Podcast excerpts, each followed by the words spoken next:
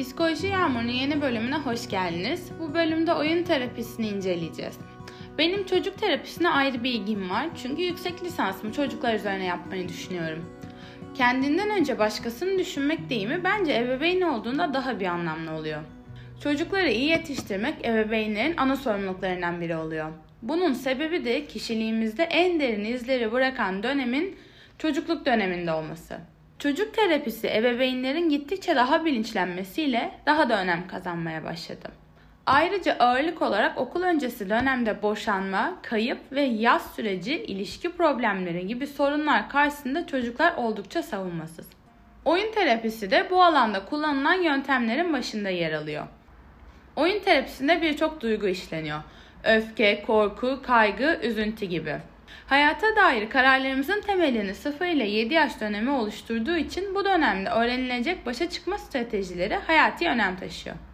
Oyunlarla öfke kontrolü, kaygı bozuklukları, depresyon, davranış problemleri, uyku problemleri, travma sonrası stres bozukluğu ve dikkat eksikliği gibi konular işleniyor. Bu girişimin ardından konumu tanıtmak istiyorum ki hemen bize bildiklerini anlatmaya başlasın. Pınar Or, ODTÜ'de psikoloji bölümünü tamamladıktan sonra klinik yüksek lisansını yaparak kariyerine başladı. Daha sonra çeşitli okullarda ve terapi merkezlerinde çalışarak deneyim kazandı ve şu anda ortağı ile kendi danışmanlık merkezini idare ediyor. Ama tabi bunun yanında seanslarına da devam ediyor. Çocuklarla, ergenlerle ve yetişkinlerle çalışıyor. Seanslarında transaksiyonel analiz, bilişsel davranışçı teknikler, sanat ve oyun terapisi tekniklerinden faydalanıyor. Ben bugün oyun terapisi kısmına odaklanmak istiyorum. Pınar Hanım sözü size bırakıyorum. Öncelikle hoş geldiniz. Merhabalar, hoş bulduk. Bir uzman tarafından bilmeyen biri fakat öğrenmek isteyen biri için nasıl tanımlarsınız oyun terapisini? Evet, oyun terapisi 5 yaş itibariyle yapılan bir terapi tekniği ve çocuklar bizler gibi, yetişkinler gibi kendilerini konuşarak e, duygularını, düşüncelerini ifade edemedikleri için çocukların kendilerini ifade etme yolu oyunlar. O yüzden e, oyun terapisiyle, oyunlar vasıtasıyla çocukların içsel yaşadıkları duyguları ortaya çıkartmaya çalışıyoruz. E, bu konuda ailelere e, çocuklar o terapiden, oyun terapisinden çıkan sonuçları ailelere anlatıyoruz. Bu şekilde. Ne konuda danışmanlık arayanlar oyun terapisine gelmelidir? Diğer terapilerden oyun terapisini ayıran nedir? Yani oyun terapisi e, çocukların e, sorunları olduğu zaman bu bazen okulda sorunlar olabiliyor. Şiddete eğilim, vurma gibi. Bazen aile içi problemler olabiliyor. Boşanmadan e, mesela çocuk hiçbir etkilenmemiş gibi duruyor. Aile merak ediyor. Acaba hiç mi etkilenmedi ne oluyor? E, bazen hani uyku problemleri oluyor. Çocuk yalnız uyuyamıyor ya da uyku terörü denen işte gece e, uyanıyor, bağırıyor, ağlıyor. E, alt ıslatma problemleri olabiliyor. Birçok çocuklukta yaşanabilecek problemlerle ilgili olarak oyun terapisi destek oluyor ailelere. Peki öbür taraftan bakarsak siz danışan seçiyor musunuz? Dikkat ettiğiniz şeyler var mı? Ya da ben şu tarz danışan almam dediğiniz bir şey var mı? Yani ben hani özel eğitim ihtiyacı olan çocuklarla çalışmıyorum.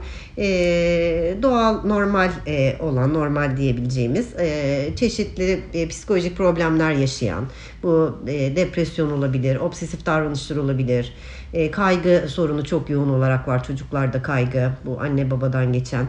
Bu e, tip çocuklarla çalışıyorum. Oyun terapisi için ekstra bir ücret ödeniyor mu? Yani yetişkin terapisinden bir farkı var mı ücretlendirme konusunda? Yok aynı, ücretleri aynı. Tamam aynı. Bir önceki soruma geri dönmek istiyorum. 5 yaşından itibaren geldiklerini söylediniz çocukların. Yaş üst sınırı var mı acaba? Kaç yaşa kadar size geliyorlar? Yani e, ergenler bile kabul ettiği sürece yani 15, 16, 17 yetişkinler de bizler bile yani oyun aslında çok güzel bir kendini ifade etme yolu. E, o yüzden hani yaş sınırı yok aslında. Hani uyan o tekniğe uyan herkese e, uygulanabilecek bir teknik. Peki ilk seans nasıl oluyor? Direkt çocuklarla mı başlıyorsunuz yoksa ailede giriyor mu seansa? Birlikte mi alıyorsunuz? İlk seansı aileyle yapıyorum. Anne babayla. Anne babanın hem duruşunu, tutumlarını görmek, hem aradaki anne babanın karı koca ilişkisini algılamak, evdeki enerjiden e, konuşmak, çocukla ikisinin hem annenin hem babanın iletişimini anlamak için ilk seans anne baba seansı olarak yapıyorum. Daha sonra çocukla devam ediyor seanslar ve anne babaya da geri bildirimler veriyoruz.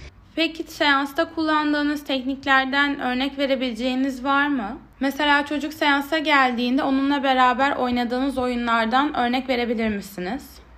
Ee, mesela diyelim e, kendiyle ilgili kendini ifade edemi, özgüven problemleri var. Ee, mesela bir kutu yapıyoruz. Ee, kendi e, bir kumbara gibi düşünün onu. O kutuya kendinde beğendiği özellikleri atıyor. Ben de onda güzel gördüğüm, beğendiğim özellikleri atıyorum ve eve götürüyor kumbarasını. E, ailedeki herkes onunla ilgili beğendiği güzel özellikleri o kumbaranın içine atıyor.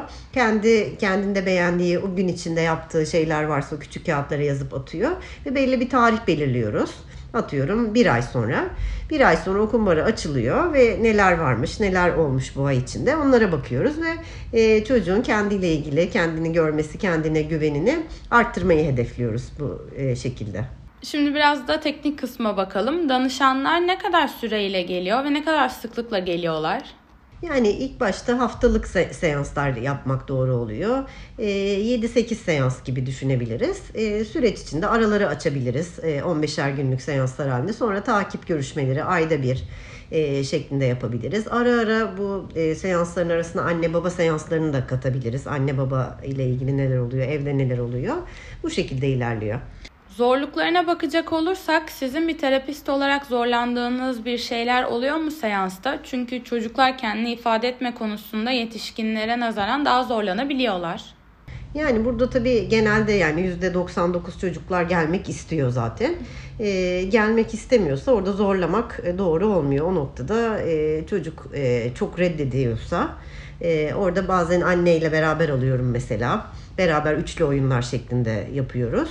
E, zorlanan kişi çocuk eğer istemiyorsa bir, iki kere öyle şeye denk geldim. İki e, danışanımla çok e, öfkeli ve çok şeydi kesinlikle reddediyordu. Orada hani kestik durduk. Hazır olduğu zaman arayabilir, gelebilir ya da hani olmamıştır bir şey uygun değildir. Çocuk dediğimizde az önce bahsettiğimiz gibi ebeveynler de işin içine giriyor. Çocuklar dışında ebeveynlerle herhangi bir zorluk yaşıyor musunuz terapist olarak? Genelde hani buraya geliyorsa hani öğrenmeye açık oluyor. Ee, orada karşısında bilen bir kişi olduğu için onu bir de aileden değilsin. Yargılayacak e, onun anneliğini, babalığını herhangi bir şey yargılamıyorsun. O yüzden açık bir tarz olduğu için genelde e, e, olumlu gidiyor. Ama eğer o korumacı çok aşırılığı e, fark edersen mutlaka onları söylüyorum. Hani burada bu davranışın e, açabileceği sonuçlar şunlar oluyor. Yani biraz böyle nedenler sonuçlar şeklinde göstererek e, anlatarak e, genelde soruyor siz anne misiniz? Ondan sonra bir hani annenin karşısında anne bulması biraz daha böyle bir güven verici bir his olabiliyor ama anne olmak zorunda da değilsin. Oyun terapisi yapmak için öyle bir şart gereklilik yok tabi. Ama hani bizim kültürümüzde de böyle karşısında ondan biri, onunla işte ortak sorunları yaşayan birini görünce tabii daha rahat hissediyorlar kendilerini. Tabii siz de bir annesiniz. Oğlunuzla da herhalde bu terapilerden, tekniklerden uyguladığınız olmuştur. Yani çocuğumla tabii terapi olmuyor ama oyunları uyguladığım oluyordu. Benim sorularım bu kadar. Çok teşekkür ederim bugün oyun terapisini benimle incelediğiniz için Pınar Hanım. Ben teşekkür ederim. Çok çok sağ olun. Psikoloji Yağmuru'nun bir sonraki bölümünde görüşmek üzere.